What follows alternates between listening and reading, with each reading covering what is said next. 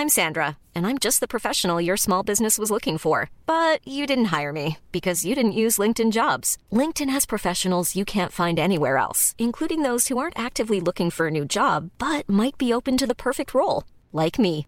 In a given month, over 70% of LinkedIn users don't visit other leading job sites. So if you're not looking on LinkedIn, you'll miss out on great candidates like Sandra. Start hiring professionals like a professional. Post your free job on linkedin.com/people today. Hey, it's Ryan Reynolds, and I'm here with Keith, co star of my upcoming film, If, only in theaters, May 17th. Do you want to tell people the big news? All right, I'll do it. Sign up now and you'll get unlimited for $15 a month in six months of Paramount Plus Essential Plan on us. Mintmobile.com slash switch. Upfront payment of $45 equivalent to $15 per month. Unlimited over 40 gigabytes per month. Face lower speeds. Videos at 480p. Active Mint customers by 531.24 get six months of Paramount Plus Essential Plan. Auto renews after six months. Offer ends May 31st, 2024. Separate Paramount Plus registration required. Terms and conditions apply if rated PG. Hey, I'm Ryan Reynolds. At Mint Mobile, we like to do the opposite of what Big Wireless does. They charge you a lot, we charge you a little. So naturally, when they announced they'd be raising their prices due to inflation, we decided to deflate our prices due to not hating you. That's right. We're cutting the price of Mint Unlimited from $30 a month to just $15 a month. Give it a try at mintmobile.com slash switch. $45 upfront for three months plus taxes and fees. Promo rate for new customers for limited time. Unlimited more than 40 gigabytes per month. Slows. Full terms at mintmobile.com.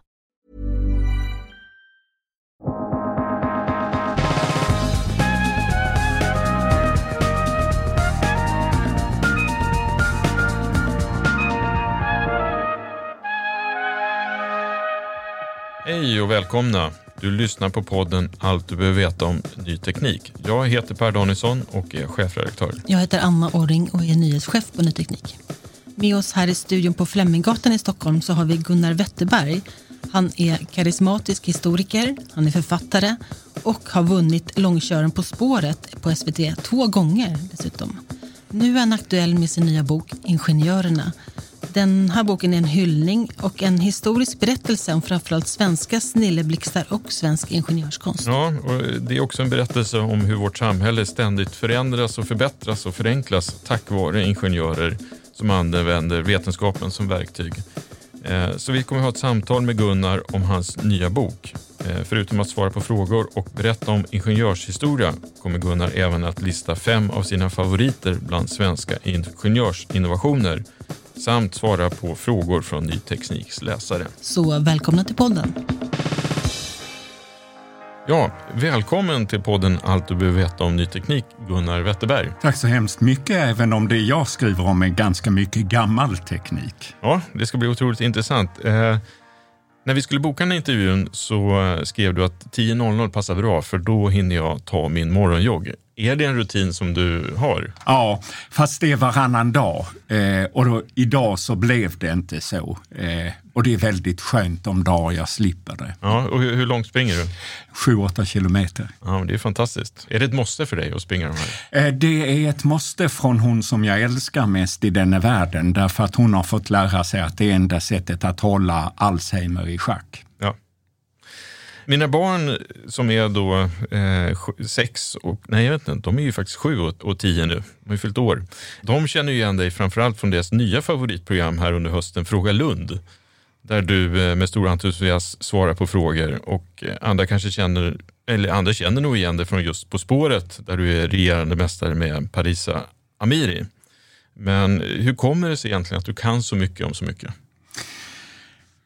Dels därför att jag valde historia och historia är ett sånt här ämne där man är tvungen att läsa väldigt brett och där man helst också ska ta och gå ner lite grann på djupet i de olika saker man hanterar. Så historia är på sätt och vis ett allätarämne. Men sedan så eh, vågade jag inte lita på att jag skulle kunna bli professor utan jag blev byråkrat istället. Jag blev först diplomat och sen jobbade jag på Finansdepartementet och det betydde att jag blev utredare och som utredare fick jag borra djupt i rätt många olika frågor. Det hjälpte också upp allmänbildningen. Mm. Det här samtalet kommer ju handla mycket om ingenjörer såklart och din bok. Eh, Men om vi skulle då titta då på betydelsen som ingenjörerna haft på vårt samhälle och kanske inleda på samma sätt som du inleder din bok med frågan, vad är egentligen en ingenjör? Ja, det brottades jag med, men jag tror ändå att jag hittade fram till någonting. Å ena sidan fanns det en tidig diskussion. Vad skiljer dem från hantverkarna?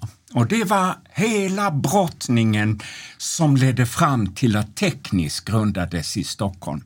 Och där blev svaret egentligen att det hantverkarna gör på känsla och på en höft, det ska ingenjörerna göra systematiskt och grundade på vetenskap. Mm. Men sen dök då frågan upp, ja men vad skiljer de då ifrån forskarna? Och då blev svaret att ingenjörer, de ska hitta lösningar på problem.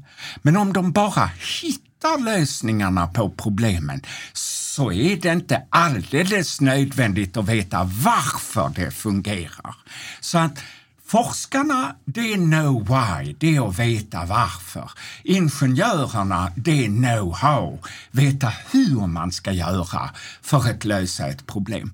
Och där någonstans hamnade jag. Sen kan man liksom spä på med det som är ingenjörskonsten, systematisk parametervariation, att ändra en sak i taget när man vill se hur någonting funkar.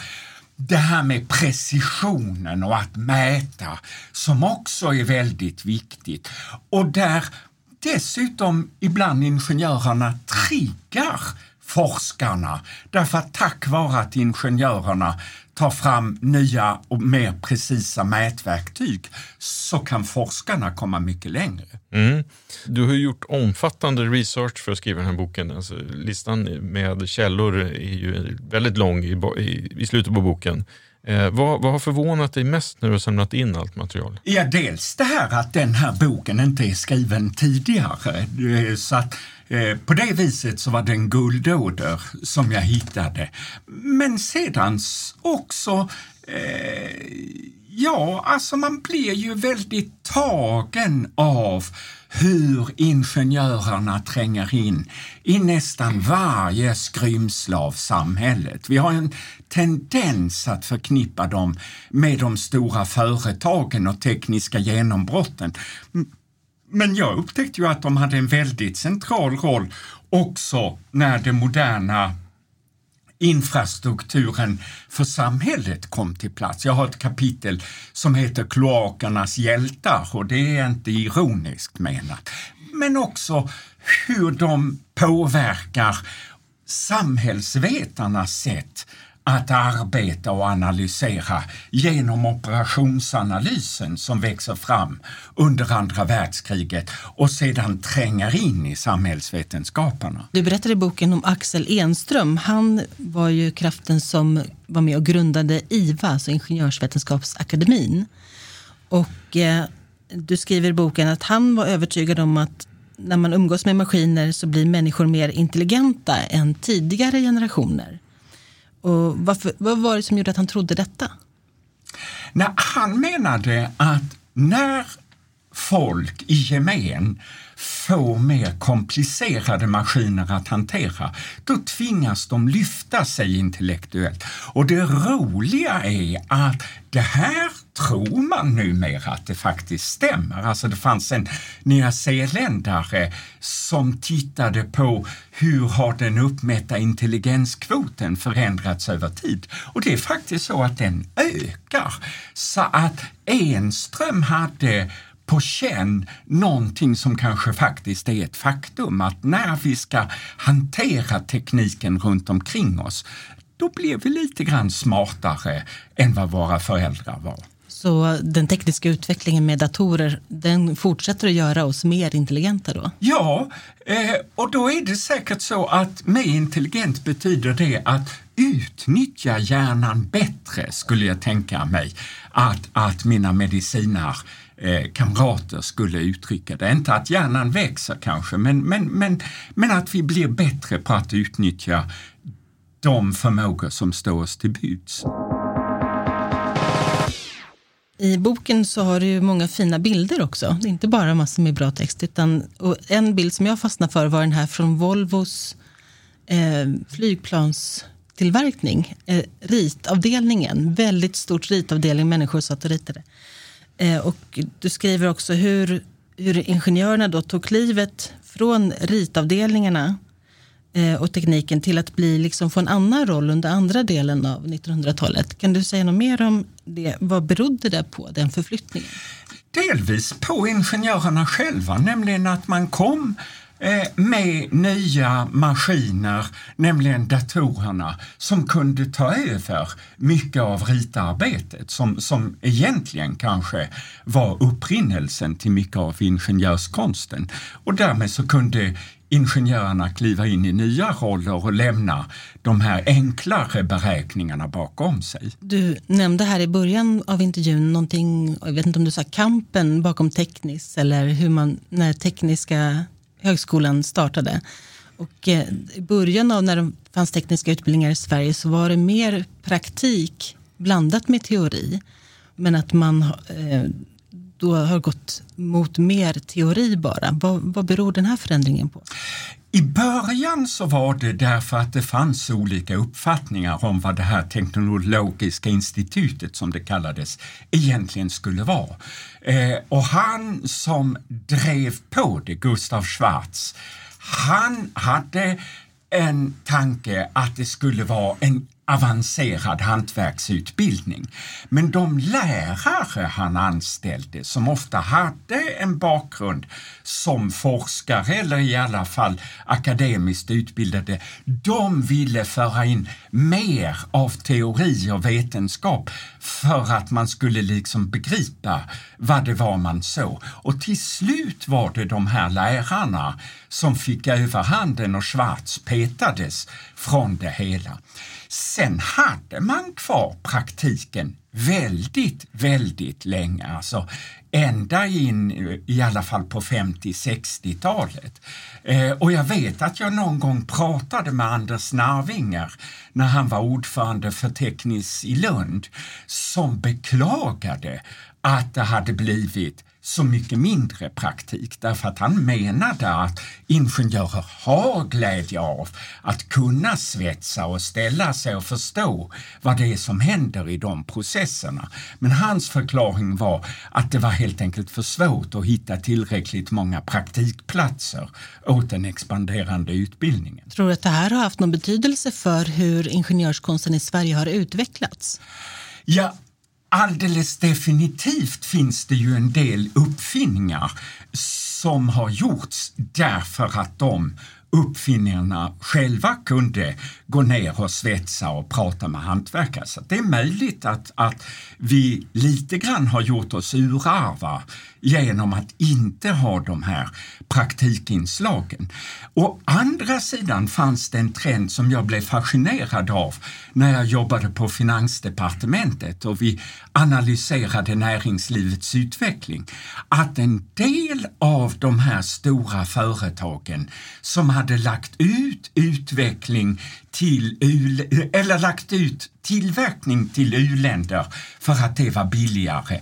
De tog hem delar av tillverkningen igen därför att de upptäckte att deras konstruktörer och deras utvecklare behövde kontakten med verkstadsgolvet för att kunna göra vettiga framsteg. Ja, intressant. En tillverkning som inte går att flytta utomlands på samma sätt är ju gruvnäringen. Den finns ju här och du skriver mycket om gruvnäringen i din bok. Vilken betydelse har de svenska gruvorna haft för teknikutvecklingen i Sverige? Ja, gruvorna eh, är kanske vår första industri överhuvudtaget och den tvingar ju fram tekniska framsteg. Eh, Polhem och hans maskiner, de börjar i Bergskollegiets regi och det handlar då om hur ska man hitta kraftkällor för att få upp malmen ur gruvorna. Sen är det gruvorna som sätter igång den ganska enorma utvecklingen vi har inom svensk kemiforskning med Scheele och de andra därför att man ville analysera vad som faktiskt fanns i den här malmen och skilja olika typer av malm åt. Och sedan i modern tid har gruvorna en väldig betydelse därför att samarbetet mellan Atlas och Sandvik kring den svenska bergborrmodellen är ju något av det mest framgångsrika vi har internationellt sett. Du nämnde Polhem då, då är det Kristoffer Polhem såklart och eh, i boken pekar du ut honom som den eh, första moderna eh, ingenjören. Varför gör du det? Ja, jag tvekade lite därför att jag har en förfader som kan tävla med honom om titeln och det är Olof Rudbeck eh, som eh, man har glömt bort hur mycket tekniker Rudbeck var. Man kommer bara ihåg honom för den här lite kufiska Atlantikan, alltså boken där han skulle bevisa att Sverige var folkens urhem på jorden. Eh, och min mor ropade in Atlantikan eh, på den tiden det fortfarande gick att köpa den till ett rimligt pris. Att den har jag hemma och bläddrade lite i den när jag skrev den här boken. Men Polhem är nog ändå, eh, även om Rudbeck hade massor av olika maskiner i ett hus vid Fyrisån och utbildade antagligen bland annat Polhem, så är det nog ändå Polhem som är den första.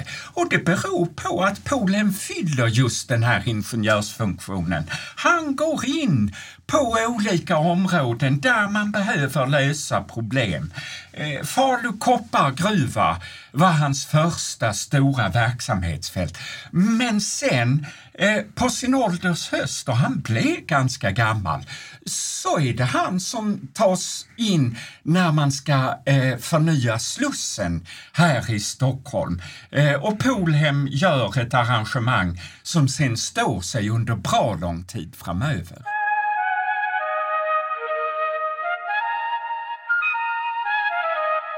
En sak som är slående när man läser boken är ju hur många utav våra blivande framstående ingenjörer liksom har tagit sig utanför Sveriges gränser och, och eh, liksom, det här internationella utbytet. Man åker till andra länder för att lära sig saker, tar in ny kunskap till Sverige. Men även ingenjörer med en annan bakgrund tar sig till Sverige. Eh, hela den här mixen, och ny, hela den här mixen, rörligheten, ny, nyfikenheten, vad, vad, hur har det påverkat oss? Ja, man kan ju säga att på sätt och vis var det tur att vår tekniska utbildning var så dålig under 1800-talet. Därför att det tvingade många att söka sig ut för att liksom förfina eh, och skaffa sig ytterligare insikter. Och då tog de ibland med sig hem idéer som utvecklades här i Sverige. Alltså, många av det vi talar om som svenska snilleblixtar är ju inte helt och hållet svenska utan det är ju kombinationer med patent från andra källor. Eh, jag har en bror som arbetar i Alfa Laval så därför så läste jag lite extra om separatorerna och vi talade om det som Döllavals uppfinning men minst lika viktig var en tysk uppfinning som de var kloka nog att ta in och kombinera mm. med det som Döllavall hade gjort. Sen har jag en liten fundering som jag nog inte vågade riktigt skriva om i boken. Men jag tror att det där framgångsrika utbytet med utlandet det hämmades lite grann under sig tiden 1920 till 1970 eller någonting sådant. Därför att då blev våra egna utbildningar så bra att folk behövde inte söka sig ut på samma sätt som tidigare. Och dessutom fick vi så stora och framgångsrika internationella teknikföretag. Så en svensk ingenjör som ville komma utomlands, han kunde enklast göra det genom att jobba i ASEA eller SKF eller någonting sådant. Och jag undrar ibland om den här bristen på nyskapande som man ibland har beklagat sig över kan ha något med det där att göra. Och nu idag så har det vänt igen därför mm. att när jag var på Saco så såg vi att ja, bortåt en fjärdedel av alla svenska studenter pluggar minst ett år utomlands. Så att kanske har vi nya häftiga genombrott på gång när de här eh, utbytesimpulserna slår igenom. Mm. Ett bra exempel på betydelsen av utländska impulser är väl eh, Göta kanal då som du, eller inte du, men det kallas för världens längsta tekniska högskola. Eh, ett smått fantastiskt projekt såklart, men byggdes lite för sent, eller hur? Ja, absolut. Det tycker jag i alla fall. Därför att eh, tanken på Göta kanal väcktes faktiskt redan på 1500-1600-talen. Och då var det en ganska smart tanke, därför att då är ju vattnet det bekvämaste samfärdsmedlet. Alltså, eh, att svenska hovet och regeringen drar sig till Arboga och Jönköping under pestvintrarna på 1600 och 1700-talet, det beror ju på att Arboga och Jönköping ligger så centralt med den tidens kommunikationer, i synnerhet om vintrarna, för då åkte man med släde till Stockholm därifrån och det var blixtsnabbt. Göta kanal byggs ju inte förrän under första halvan av 1800-talet och då stampar ju redan järnvägen och vill in i det hela. Så att eh, Göta kanal får aldrig riktigt den där stora betydelsen för kommunikationerna som man hade hoppats på. Men däremot så skolade den upp ett antal goda tekniker och gav impulsen till några av de första verkstäderna som blev betydelsefulla för den fortsatta utvecklingen. Så det var inte alldeles bortkastat ändå. Nej, vi pratar ju väldigt mycket om eh, svenska ingenjörssnillen och så vidare och då är det framförallt det är väldigt mycket män i, som, som lyfts fram såklart. Eh, då kan man ju undra sig varför motståndet från början mot just kvinnliga ingenjörer var så stort på de tekniska lärosätena. Ja, egentligen så släpper de tekniska lärosätena in eh, kvinnorna nästan lika sent som universiteten gör det. Och delvis handlade det just om hur man tolkade formuleringar som fanns i regelverken där det står män också när man menar människor. Eh, och det förföll man till en bokstavstolkning av. Sen är det väl säkert så att det var förknippat med föreställningar om att eftersom ingenjörerna också jobbade praktiskt så måste de ha en viss styrka. Alltså det är nog typiskt att de första stegen tas inom arkitektur eh, när kvinnorna får äntligen in en fot på högskolorna. Och så småningom blir det kemi, alltså eh, när man ser verksamheter där det inte är den stora styrkan. Medan däremot maskinerna dröjer väldigt länge innan kvinnorna får ett ordentligt fotfäste där. Jag lägger fram en sak till dig nu, så får du titta på det. Oh.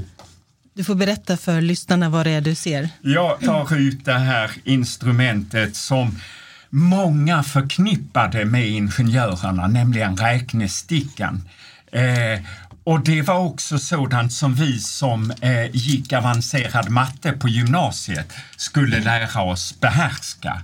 Eh, och det är, eh, eh, alltså jag gick på gymnasiet i skiftet 60-70-tal och sen bara några år senare så är det alldeles borta. Därför att kalkylatorerna slog igenom och gjorde rent hus med det här. Eh, och jag tror inte att min ingenjörsson eh, egentligen vet hur man hanterar en räknesticka. Men vad hade räknestickan för betydelse då för ingenjörerna i tidigare skeden? Att man kunde göra mycket mer komplicerade beräkningar mycket snabbare än vad man förr gjorde. Man slapp ställa sig med papper och penna och ställa upp långa uppställningar utan man kunde med räknestickans hjälp ta fram ganska bra svar ganska snabbt. Och den var så framgångsrik så att den spred sig också till andra sektorer och fick nya tillämpningar. Så att när jag var kårtidningsredaktör i Göteborg i början av 70-talet. Då beräknade jag sidlayout med hjälp av en typometer mm. som var ett slags förenklad räknesticka. Och sen så gick jag ner till Handelstidningen civiltryckeri där man fortfarande hade blysättning och såg hur de här oerhört skickliga typograferna kastade blytyper i setramarna och stack in mellan grejer där jag hade räknat fel på min typometer. Jag har en typometer också men jag har aldrig använt den. Men eh, en, en, annan sak som har varit viktig eh, för ingenjörer och uppfinnare är ju att skydda sitt, sin uppfinning. Och eh, du skriver i boken om viktiga händelser då i patenthistorien när kom det här att man skulle skydda sin uppfinning med ett patent? När, när infördes det? Ja, det införs gradvis. Eh, det kommer från England där man på 1600-talet ger det som kallas för exklusiva privilegier att eh, utnyttja någon uppfinning eller något som man har kommit på. Och sen så utvecklas det steg för steg. Vi får också den typen av exklusiva privilegier i Sverige på 1700-talet. Men det är inte riktigt tänkt bara för uppfinnare utan kan också vara ett sätt att eh, eh man delar ut till någon som man vill gynna, en lönsam produktion eller någonting sådant mer modern patentlagstiftning kommer på 1800-talet egentligen och det går ganska stegvis. Eh, och det är också så att man har ju det här bekymret att kommer man på någonting så måste man söka patent i alla länder. Och då hade Sverige lyckan att vara ett litet skitland med en liten marknad som alla inte brydde sig om att söka patent i. Och det gjorde att när Lars Magnus Eriksson ska bygga de första telefonerna. Bell har patenterat i stora länder, men inte i Sverige. Så de första Ericsson-telefonerna, det är rena kopiorna av Bells konstruktioner.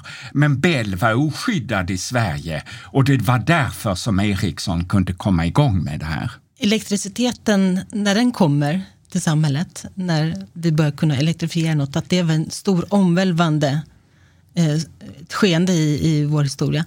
Och idag ser vi elektrifiering av väldigt mycket nya saker. Vi elektrifierar våra fordon, våra industrier. Kommer det här bli en lika stor omvälvande kraft, tror du? Alltså jag skulle säga Upprinnelsen till den här boken, det var att jag just skulle skriva en minnesskrift åt IVA som fyllde 100 år över Axel Enström som då var grundaren. Och han var elektroingenjör och det var när jag läste om honom som jag började förstå hur oerhört betydelsefull elektrifieringen var. Det finns folk idag som jämför digitaliseringen med elektrifieringen. Jag är inte riktigt säker på att digitaliseringen verkligen är större. Därför att elektrifieringen slog igenom på så kolossalt många områden. Vi tänker den idag mest som energi och drivkälla eh, och alla de tillämpningar som kom inom industrin och som nu kanske är på väg när det gäller fordonsväsendet. Men jag menar det minst lika viktiga är ju elektriciteten i hemmen. Tack vare belysningen kunde vi läsa tre, fyra timmar längre varje dag och det hade ju revolutionerande effekter på hela utbildningsväsendet och på vad folk kunde. Och sen den komfort som den skapade runt omkring sig. Så att det vi idag ser när den kanske då kommer in också i bilvärlden på allvar, fast där var den redan för hundra år sedan. Men när den nu kommer tillbaka efter hundra eh, år, jo, det kan säkert bli ganska stort. Även om jag på den punkten tror att man har underskattat förbränningsmotorn. Alltså, jag tror att det här med att hitta nya alternativa bränslen är väl så viktigt som elektrifiering utvecklingen, åtminstone på någorlunda kort sikt. Vad säger du om jag säger Ericsson? Ja, då säger jag fågel Fenix. Alltså den här, och det, men det hade jag redan upptäckt när jag skrev, jag skrev en, en bok om släkten Wallenberg och vad de har betytt. Och då fick jag en aha-upplevelse som jag har tagit med mig in i den här boken också. Och det är att när jag följde den här ekonomisk-politiska debatten på 80-90-talet, då var ett återkommande tema det är så farligt, vi har så gamla företag i Sverige. Det betyder att vi står stilla, vi kommer att bli förbisprungna, vi kommer inte att klara oss. Men när jag började gå igenom Wallenbergsfären och deras företag så upptäckte jag att det ser ut på ett helt annat sätt. Det som är karaktäristiskt för flera av de stora svenska företagen, det är att de har varit fenomenalt skickliga på att hantera teknikskiften. Alltså, om man tittar på Ericssons och ASEAs konkurrenter när det begav sig i slutet av 1800-talet, eh, för de är två tydliga exempel på detta nästan inga av dem finns kvar. Därför att åtminstone på Ericssons område har det varit fem, sex stora teknikskiften från sedan den tiden. Och de flesta av deras dåtida konkurrenter har knäckts i något av de här teknikskiftena. Och så har det uppstått andra konkurrenter. Men Ericsson har klarat sig genom dem alla. Det kan bero på faktiskt lite grann just Wallenbergarna som har varit brutala när det gäller att skifta ut försoffade företagsledningar. Men det kanske också beror på det här som jag skriver om någonstans i boken och som min äldste son eh, som eh, jobbar i ett mjukvaruföretag i Indien när han kom ut precis när IT-bubblan hade spruckit i Sverige.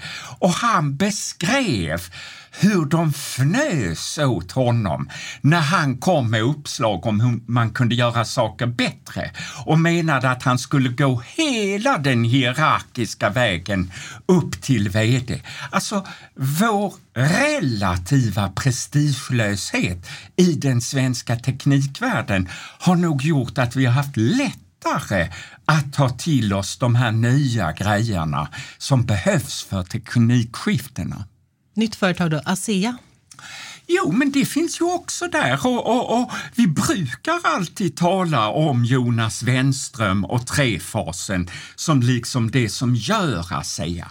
Men ASEA är också väldigt spännande därför att ASEA samspelar så nära med staten. Det är också ett slags svensk modell. Alltså, vi får ett affärsverk, det som så småningom döps till Vattenfall, som är en krävande beställare ägare från ASEA, men som också ger ASEA utrymme att misslyckas när ASEA försöker hitta nya metoder för effektiv överföring.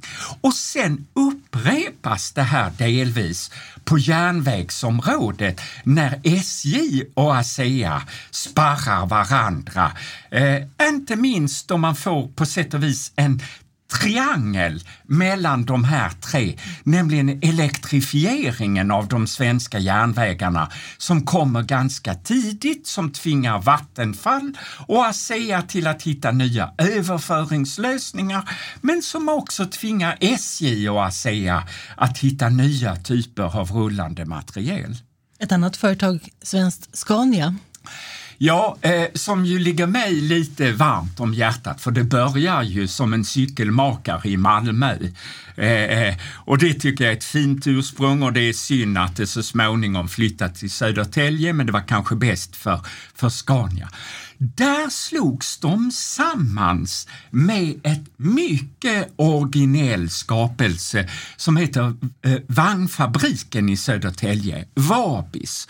Och Vabis kom till därför att det fanns en driftig disponent, ingenjör på Surahammars bruk i Västmanland som insåg att det var knepigt med avsättningen för det här bruket och då ville hitta hitta någonting som man kunde göra, men upptäckte att det var svårt att göra det i Sura, för Sura låg för långt från kusten och därför flyttade till Södertälje och i Södertälje började göra bilar som en av de första i Sverige. Och sen var det ett antal småfabrikanter runt om i landet där Scania i Malmö var en och när man hamnade i gungning så slogs de här två samman och när gungningen inte upphörde så fick Wallenbergarna ungefär vid tiden för första världskriget gå in och göra det som länge proportionellt sett var Wallenbergarnas allra dyraste räddningsoperation för att få Scania på fötter. Men sen under mellankrigstiden utveckla Scania till att bli en liten men oerhört kvalificerad lastbilsfabrik. Alltså man talar om Scania som lastbilsvärldens Rolls Royce. Och sen så kommer steget över i masstillverkning. Det kommer efter andra världskriget. Ett annat fordonsföretag, Volvo, som ju är två egentligen nu. Ja, och Volvo har ju en sån här långt släktträd som jag eh, eh, nog hyggligt hoppas jag reder ut i den här boken. Därför att det börjar med att textilfabrikerna industrialiseras och den största textilindustrin i Göteborg, den heter Gamlestaden. Gamlestaden har fler och fler och tyngre och tyngre maskiner. I dem använder man tyska fasta kullager. Problemet med Göteborg är att Göteborg flyter. Alltså den här blåleran rör sig och Gamlestadens fabriker rörde sig och då skar de fasta tyska kullagren och då beställde man nya lager istället för de som hade skurit. Men sen när det gick åt skogen ännu en gång så sa tyskarna, äh, just nu har vi ett halvårs leveranstid och då blev Sven Wingqvist triggad och så kom han på det här sfäriska kullagret som kan anpassa sig efter de här eh, rörelserna. Eh, och ibland nu när jag har fått frågan eh, om vad är den märkvärdigaste svenska uppfinningen så undrar jag om inte det sfäriska kullagret är kanske något av det som har haft allra störst betydelse. Men poängen var också att Kullagerindustrins viktigaste avnämare redan vid den här tiden var bilindustrin. Och när då ett par svenskar får idén att starta en ny svensk bilindustri så är SKF beredda att gå in som sponsorer. Eh, och det är till och med så att Volvo får sitt namn från en vilande aktiebolag som SKF hade. Så att det här med jag rullar, det syftade nog på det kullager som SKF hade tänkt tillverka i det här företaget. Men Volvo fick ta över det hela. Och Volvo var också intressant på det här viset att Volvo plockade sina komponenter från ganska många olika företag runt om i Sverige istället för att som de flesta bilfabriker vid den tiden bygga allting på plats. Och det betyder ju att Volvo fick en befruktande effekt också i avkrokar som Olofström och andra väsentliga metropoler.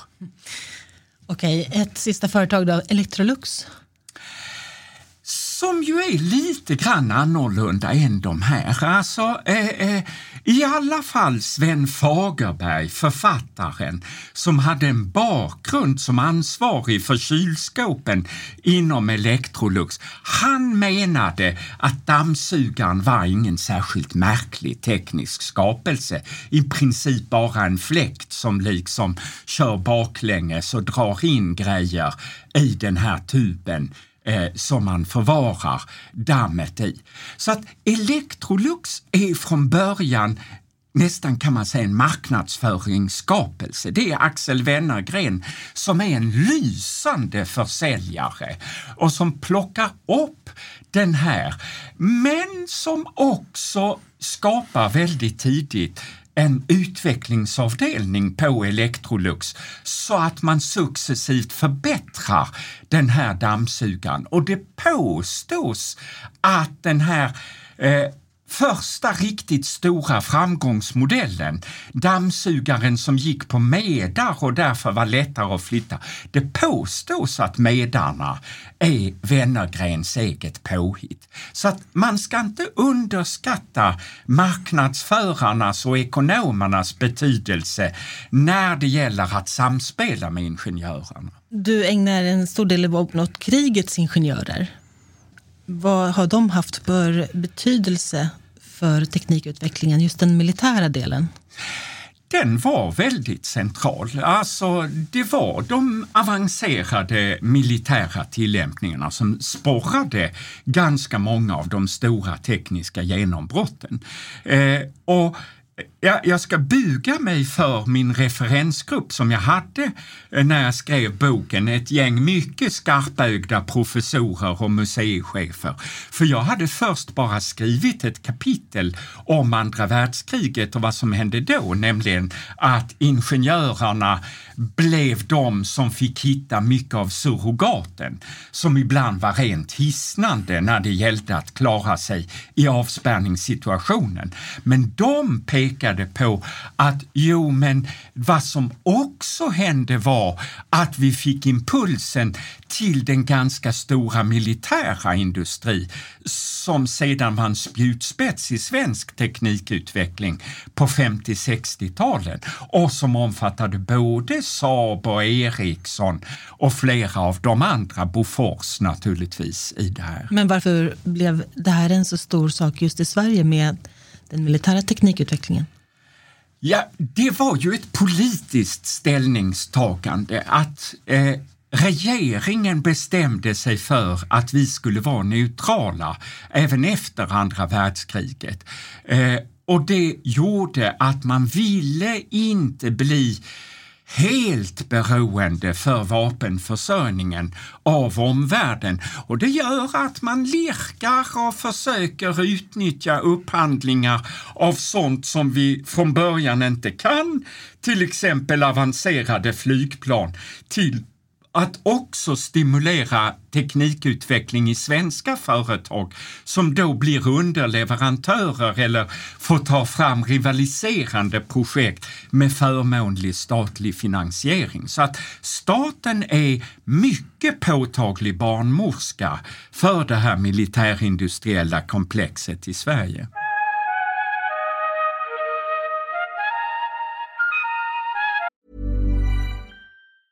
Hey, I'm Ryan Reynolds. Recently, I asked Mint Mobile's legal team if big wireless companies are allowed to raise prices due to inflation. They said yes. And then when I asked if raising prices technically violates those onerous two year contracts, they said, What the f are you talking about, you insane Hollywood ass? So to recap, we're cutting the price of Mint Unlimited from $30 a month to just $15 a month. Give it a try at mintmobile.com slash switch. $45 upfront for three months plus taxes and fees. Promo rate for new customers for limited time. Unlimited more than 40 gigabytes per month. Slows. Full terms at mintmobile.com. Hey, Dave. Yeah, Randy. Since we founded Bombus, we've always said our socks, underwear, and T-shirts are super soft. Any new ideas? Maybe sublimely soft. Or disgustingly cozy. Wait, what? I got it. Bombus. Absurdly comfortable essentials for yourself And for those facing homelessness. because one purchased equals one donated. Wow, did we just write an ad? Yes. Bombas. Big comfort for everyone. Go to bombas.com slash ACAST and use code ACAST for 20% off your first purchase. Hi, I'm Daniel, founder of Pretty Litter. Cats and cat owners deserve better than any old fashioned litter. That's why I teamed up with scientists and veterinarians to create Pretty Litter. Its innovative crystal formula has superior odor control and weighs up to 80% less than clay litter. Pretty Litter even monitors health by changing colors to help detect early signs of potential illness. It's the world's smartest kitty litter. Go to prettylitter.com and use code ACAST for 20% off your first order and a free cat toy. Terms and conditions apply. See site for details. There's never been a faster or easier way to start your weight loss journey than with PlushCare. PlushCare accepts most insurance plans and gives you online access to board-certified physicians who can prescribe FDA-approved weight loss medications like Wigovi and Zepbound for those who qualify.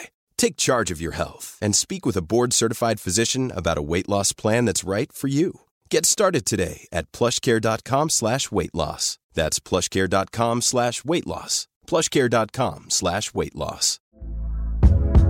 Hey there, it's Michelle Norris. I'm host of a podcast called Your Mama's Kitchen. When I travel, I'm usually looking for a way to find a taste of home when I'm not at home. And one of the things I love to do when I am at home is entertain. And Airbnb allows me to do that. When I was in California recently, I rented a house that had a great kitchen. And when we were sitting around the table, we're all thinking, we're in someone else's house. Someone could be in all of our homes as well. If you have a home, but you're not always at home, you have an Airbnb. Your home might be worth more than you think. Find out how much at airbnb.com/slash host. Eh, vi har ju bett dig att fundera på vad du personligen anser vara Sveriges mest fantastiska ingenjörsinnovationer. Eh, så vi tänkte att nu gör vi listan då helt enkelt. Sveriges fem mest fantastiska ingenjörsinnovationer enligt Gunnar Wetterberg. Och på plats ett där har du satt säkerhetständstickan. Ja, därför att det är ju lite grann den eh, kronologiska utvecklingen. Den kommer redan på 1840-talet. Det är Gustav Pasch och den har, alltså de jag har satt upp på den här listan, det är såna här saker som får väldigt mångsidig användning. Man kunde naturligtvis ta tekniskt väldigt sofistikerade grejer som har användning inom ett visst område. Men jag tycker det intressanta är när saker blir det här som kallas för generiska teknologier, alltså får betydelse på väldigt många olika håll. Sen är det så att säkerhetständstickan och Gustav Pasch, det säger vi. Men jag hittade Alexander Lagerman som jag inte var bekant med innan jag började här, som är fullständigt fantastisk.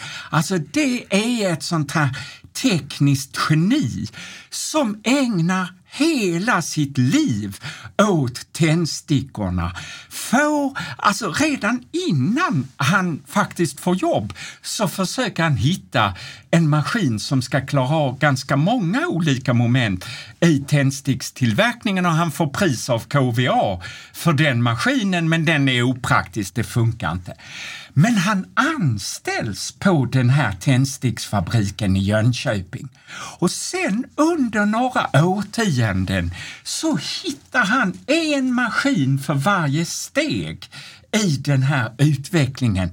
Och inte nog med det, utan sen bygger han ihop alla de här maskinerna till en enda supermaskin så att han skriver att en pojke och en flicka kan mata in råämnena i ena änden och plocka ut asken i den andra.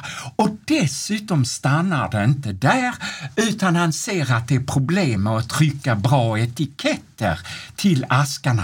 Ja, då uppfinner han en tryckmaskin som också den blir så framgångsrik att den går på export. Så att Alexander Lagerman är en av de här bortglömda figurerna som jag har försökt lyfta fram i boken. Mm. Och sen på plats nummer två där, kullagret, det kanske vi redan har pratat om. Ja, eh, därför att det förlöser så mycket genom att reducera friktionen. Det är ju i princip vad kullager gör. Men det är så oerhört centralt på så väldigt många områden. Mm. Och på plats tre där så har vi då trefas. Som är elektrifieringen, alltså det som man, man var ju medveten om de elektriska fenomenen sedan ganska lång tid. Och under 1800-talet började man hitta svagströmstillämpningar för elektriciteten. Först inom telegrafin, eh, så småningom inom telefonin. Men alla de här uppfinningarna hämmades av att det var så väldigt svårt att överföra ström från där den genererades till där den skulle användas. Eh, och det är någonting som också drabbar belysningen när den införs i städerna. Att eh, man kan inte klara mer än några kilometers överföring. Och då kommer trefasen och Wenström är inte ensam om den för det kommer ungefär samtidigt på flera olika håll. Men när man plötsligt kan överföra flera mil, att då öppnar sig helt nya möjligheter. Ja, och på plats fyra då så kommer Tetra Pak. Ja, och det tyckte jag var lite intressant därför att eh, väldigt mycket av den här teknikutvecklingen, möjligen med undantag av Electrolux, är ju väldigt mycket eh, som vi idag skulle säga business to business eh, före andra världskriget, i synnerhet i Sverige. Och det har säkert att göra med att kvinnorna var kvar i hemmen och därför fanns där inget tryck att rationalisera och automatisera. Efter andra världskriget så förändras ju det här väldigt snabbt och det kommer ett behov av tekniska lösningar i hushållen för att frigöra kvinnlig arbetskraft. Och då är Tetra Pak är det lysande exemplet på det här. Och på femte plats, lite, kanske lite oväntat, är ju då mikrotorrent.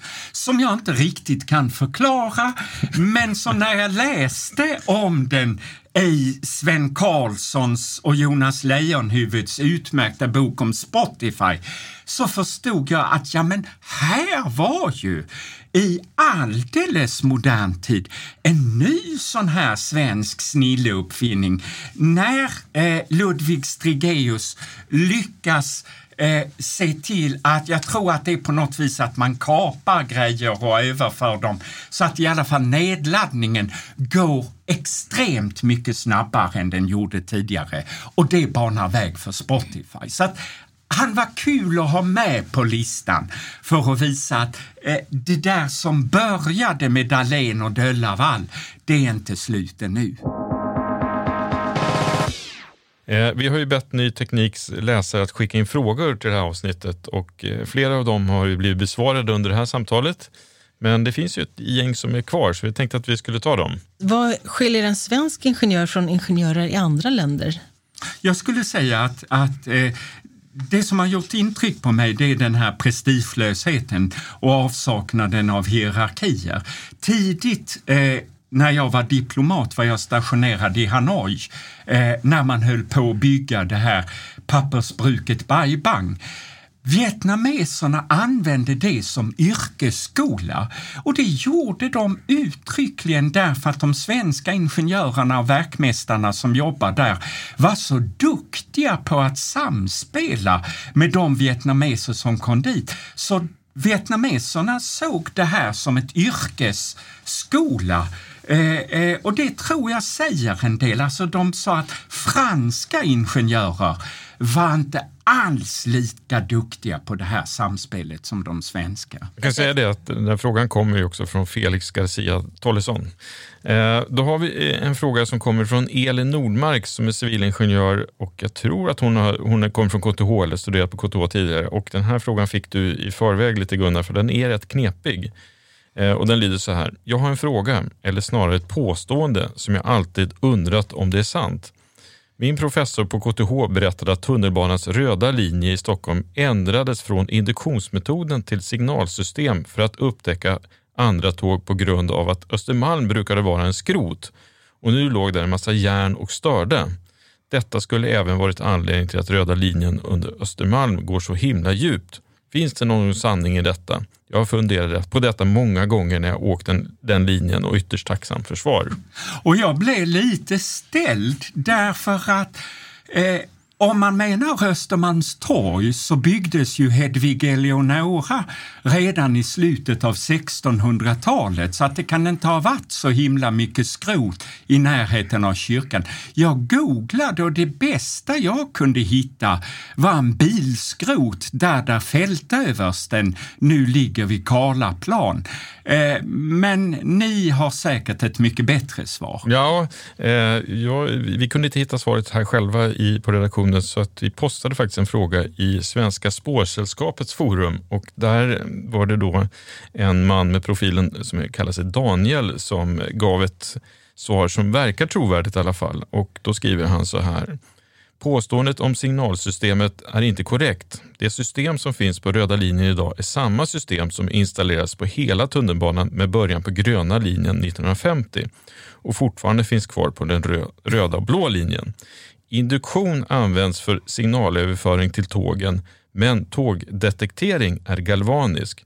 Tågen kortsluter via hjulen en strömkrets i rälsen så att ett relä faller, så kallad spårledning. Och spårledningar är det vanliga systemet för tågdetektering i Sverige. Och, eh, han skriver också att röda linjen går bara djupt under Brunkebergsåsen och det är Norrmalm, det är inte Östermalm. Eh, på grund av dåligt berg just där. I övrigt är det inte speciellt djupt. Ja, vi, vi får lita på att Daniel har rätt svar. Jag bugar och tackar. Han har även erbjudit sig att skicka höjdprofiler på mail om det skulle uppstå fler frågor kring det där. Men jag kommer ihåg när eh, röda linjen öppnades och det just var sådana enorma rulltrappor ner till perrongen vid Östermalmstorg. Så att det, det, det var jag i alla fall medveten mm. om. Okej, här kommer en fråga från Gunnar, pensionerad byggnadsingenjör i Uppsala. Jag läste nyligen i en intervju där du sa att naturvetare analyserar hur världen är, ett slags know why. Ingenjörerna fokuserar på know-how, att få saker gjorda. Betyder det här att du anser att det är viktigare att vi har fler ingenjörer i beslutsfattande positioner än exempelvis naturvetare och ekonomer? Nej, alltså jag tror att man mår bäst av allihopa. Det är när man får det här utbytet mellan dem. Sen kan man, jag menar, eh, fundera över ekonomernas ganska stora utbredning under de senaste årtiondena hur pass bra det är därför att det finns nog en poäng med att man i den absoluta ledningen av de stora teknikföretagen har folk som begriper eh, den tekniska potentialen i saker och ting som kommer fram nytt. Eh, det kanske det är dåligt med. Alltså, eh, Kurt Nicolin som ju ofta lyfts fram i de här sammanhangen, han var ju faktiskt en väldigt skicklig ingenjör som ledde det stora projektet med jetmotorn efter andra världskriget som var ett av de här exemplen på hur staten försökte stimulera teknikutvecklingen. Och det hjälpte säkert Nicolin att begripa väldigt mycket av det som hände med ASEA under den tid han var verksam där, som ju var en stor omvändningsperiod för ASEA. Det har kommit ytterligare fråga här. Eh, ny Teknik, vi utser ju Sveriges 33 hetaste startups varje år och gjort det i 13 år nu. Och eh, då märker vi ofta att grundarna är så här väldigt stolta över vilket lärosäte de kommer ifrån. Det finns liksom en stolthet att komma från Chalmers eller KTH. Och den här frågan då kommer från Anna-Lena. Hon är uppenbarligen från Göteborg för att hon undrar vilket lärosäte har historiskt sett fostrats flest framgångsrika ingenjörer, Chalmers eller KTH? KTH hade ju ett försprång i tiden så att det är lite orättvist. Eh, där finns ett handikapp eh, som, som Chalmers eh, skulle ta igen. Eh, jag tror att det är rätt bra att vi har flera olika miljöer därför att de kan göra olika saker. Lund, Linköping, Luleå är inte så dåliga de heller. Men skulle du säga att Chalmers är lillebror till KTH då? Ja, därför att staten tvingade Chalmers att vara det. Alltså man var snål med att låta Chalmers bli högskola och att låta Chalmers få forskarutbildning. Båda de sakerna fick KTH mycket tidigare. Så att historiskt sett så har det kommit mer från KTH. Men det betyder ju inte att de inte kanske är mycket mer jämspelta idag. Nils i Linköping frågar så här, vad tycker du karaktäriserar en ingenjör efter att du har skrivit den här boken? Nej, men jag är rätt förtjust i det här att eh, Eh, eh, det är ändå lite grann konst över det hela. Det är det här precisa, att vara exakt, att testa olika grejer noga. Men också det här att liksom få eh, uppslag som plötsligt eh, går att göra något med. Alltså jag kallar det ett av de här kapitlen Konsten att ha ögonen med sig. Därför att det händer kring oss saker som vi inte riktigt begriper. Och ibland finns det lysande exempel på att det här rymmer något nytt. Alltså typ kantallegeringen som kom till av en ren slump. Eh, när dyker begreppet civilingenjör upp för första gången och varför används tillägget civil? Och vad betyder det egentligen? Det undrar Petter från Stockholm. Från början var ingenjörerna, eh, de fanns i arméerna. Det är där man döper det. Eh, och det kommer från engin som betyder eh, eh, maskin på franska. Eh, och det blir så småningom engineers på engelska. Och också i Sverige talar vi om ingenjörer när det dyker upp i början av 1600-talet i Gustav II Adolfs arméer. Eh, och Gustav II Adolf lyckas dessutom göra en av de första ingenjörerna i Sverige, gör hans fru med eh, barn så att det finns en oäkting eh, som eh, eh kom till av den första ingenjörsimporten till Sverige. Det är för att markera mot det här som man börjar använda eh, civil som prefix till ingenjör. När man från 1800-talet på allvar börjar utbilda ingenjörer för genuint civila eh, funktioner. Eh, och det gör man både i Frankrike och i England. Och det är väl också viktigt att säga, under 1800-talet blir man inte ingenjör bara genom utbildning. Man kan också bli det genom praktik. Alltså två av de riktigt stora svenska ingenjörerna är ju John och Nils Eriksson som börjar som ritpojkar på Göta kanalbygget när de de är i 8-9 års åldern. Så det är liksom en av de längsta ingenjörskarriärerna man kan tänka sig. Men civilingenjör etableras på allvar eh, mot slutet av 1800-talet i Sverige och jag kommer inte riktigt ihåg när det var som det skrevs in eh, eh, som officiell examenstitel. Men det står i boken så där går det att läsa. Eh, vi har ju otroligt många svenska uppfinningar som svenska ingenjörer då ligger bakom och som du skriver om i boken. Och hela 1900-talet är fyllt med personer som har utvecklat eh, de här banbrytande produkterna. Då undrar Niklas Andersson som är ingenjör i Stockholm, delar du min uppfattning om att detta är en era som är över? Att 1900-talet var vår storhetstid inom ingenjörskonsten?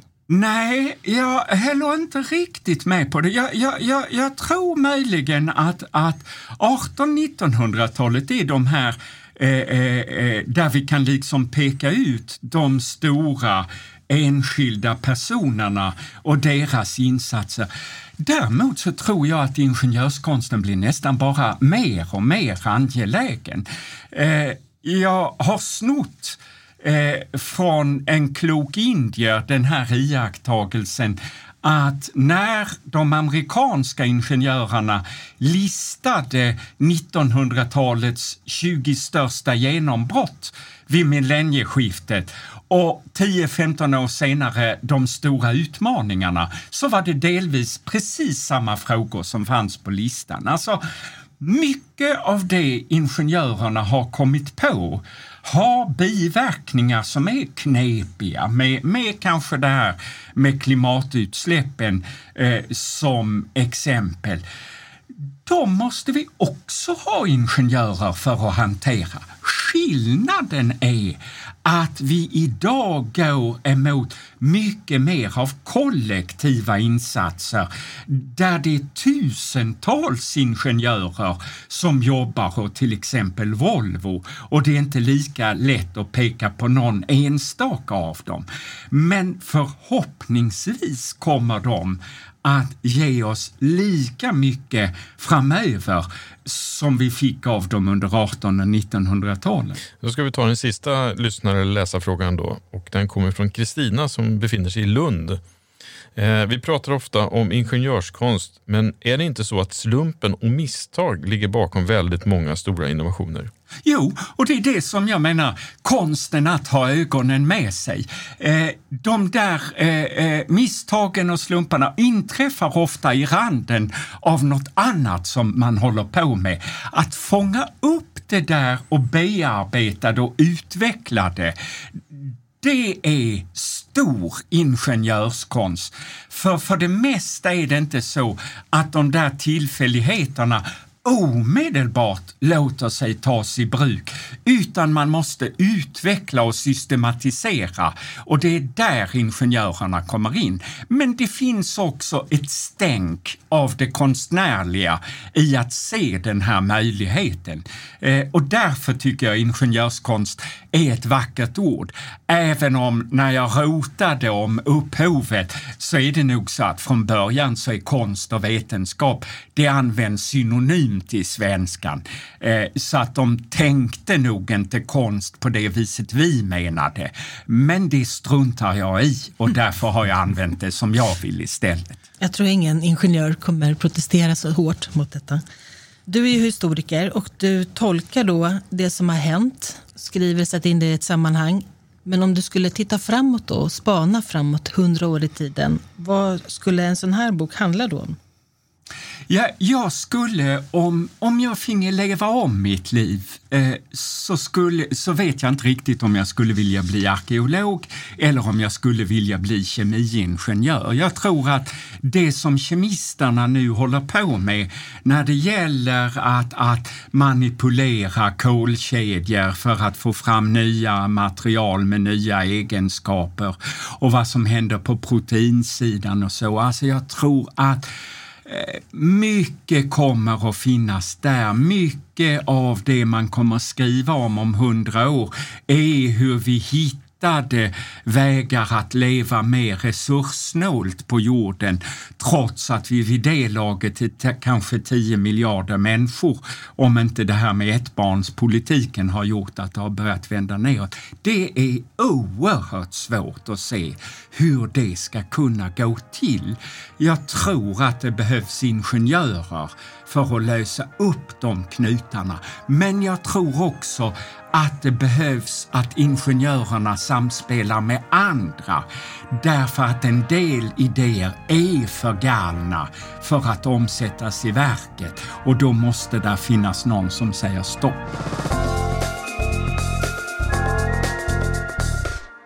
Ja, då närmar vi oss slutet på det här avsnittet och Anna, du och jag, vi har ju läst den här boken Ingenjörerna. Skulle du rekommendera den att köpas? Jag tycker att det finns en väldigt stor poäng med den här boken och att det är just Gunnar Wettberg som har skrivit den. En bok om ingenjörerna, svenska ingenjörer och det är just att han är historiker och samhällsvetare och han tar ett samhällsvetenskapligt grepp på ingenjörshistorien i Sverige. Och eh, jag tror att han kanske i de här sammanhangen ibland har tyckt att det var synd att han själv inte är ingenjör, att han får kämpa sig in i liksom ämnet. Men det finns något viktigt med att det är inte bara ingenjörer som intresserar sig för ingenjörskonst, utan det är hela samhällets angelägenhet. Mm, vi kan konstatera att det är en intressant bok som är värd att läsas. Eh, alla avsnitt och bonusklipp av den här podcasten finns som vanligt då på Acast, Spotify och iTunes och givetvis på nyteknik.se. Eh, klicka gärna på prenumerera så missar du inget avsnitt. Har du åsikter om innehållet eller tips på ämnen som vi ska ta upp så mejla gärna till redaktionen nyteknik.se. Jag heter Per Danielsson. Och jag heter Anna Orring. Ja, tack för att du lyssnade. Hej då!